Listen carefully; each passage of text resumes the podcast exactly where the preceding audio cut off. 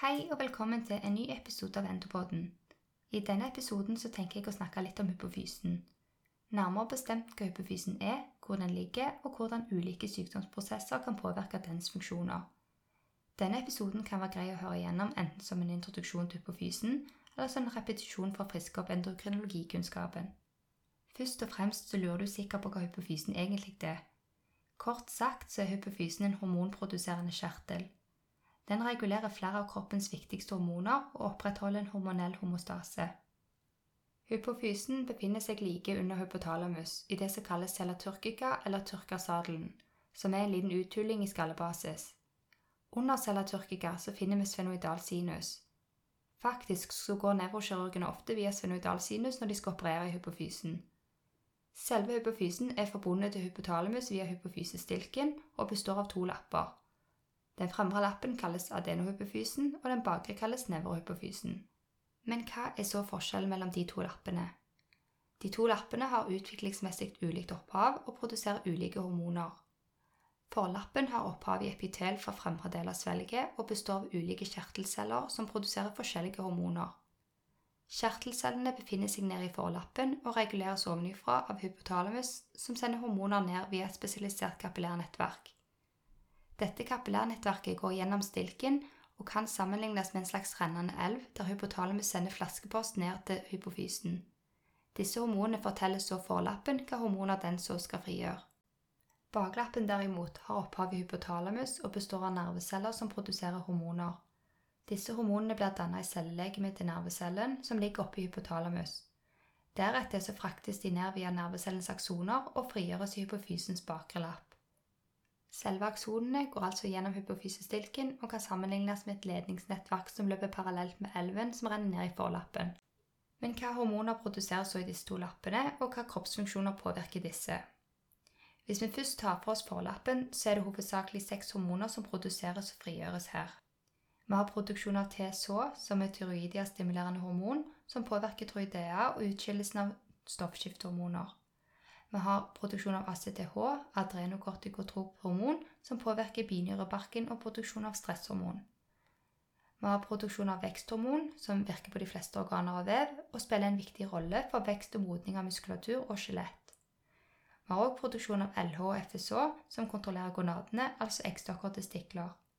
Vi har òg produksjon av prolaktin, som spiller en viktig rolle i forbindelse med melkeproduksjon. I tillegg så produserer forlappen et hormon som kalles melanocyttstimulerende hormon, men virkningen av dette er mindre kjent. Forlappens hormoner påvirker altså stoffskifte, binyrebarken, vekst, gonader og melkeproduksjon. Baklappen derimot frigjør to hormoner. Legg merke til at jeg bare sier frigjør, for hormonet fra baklappen blir som sagt produsert i nervecellene sitt cellelegeme oppe i hypotalamus før de blir frakta ned via aksonene til baklappen. Her blir de så lagra fram til de trengs. Hormonene som frigjøres her, er ADH og oksytocin.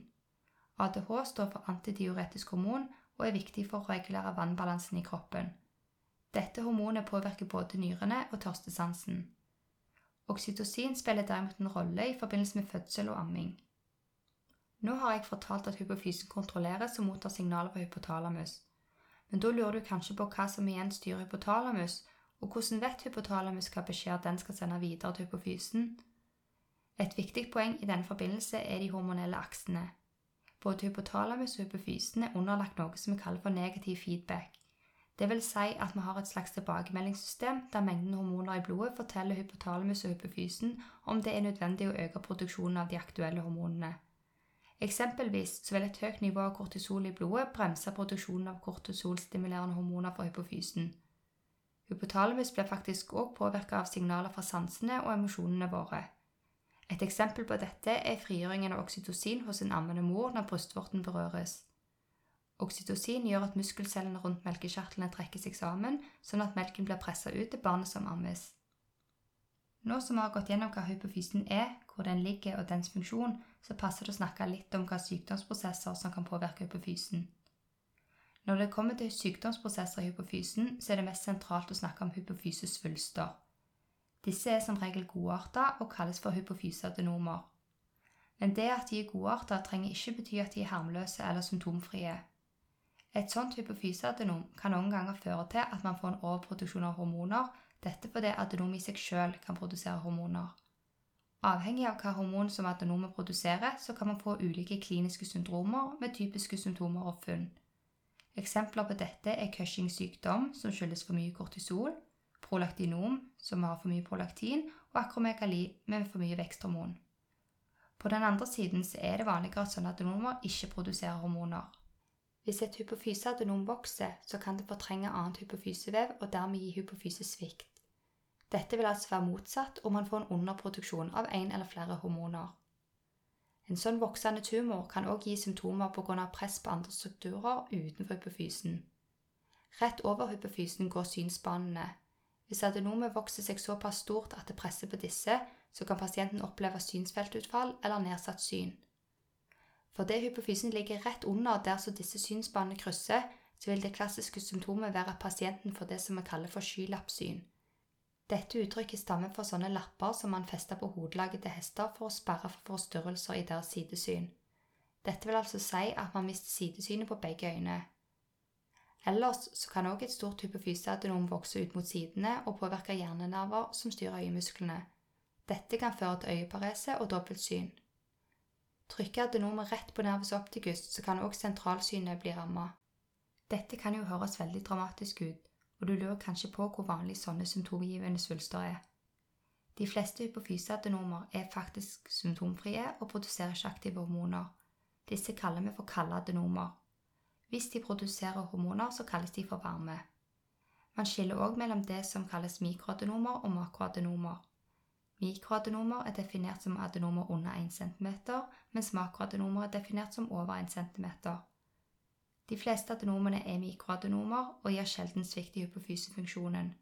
Det vil si at man kan ha hypofyseadenom uten å merke noe til dette, og dette er ikke helt uvanlig.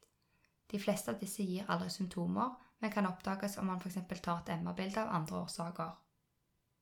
Hvis du ønsker å høre mer om adenomer som produserer hormoner, og hva symptomer disse gir, så anbefaler jeg deg å høre på episoden om prolaktinom, akromegali og Cushing syndrom. Jeg håper denne gjennomgangen var nyttig, enten om dette var nytt for deg, eller om det rett og slett var en liten repetisjon.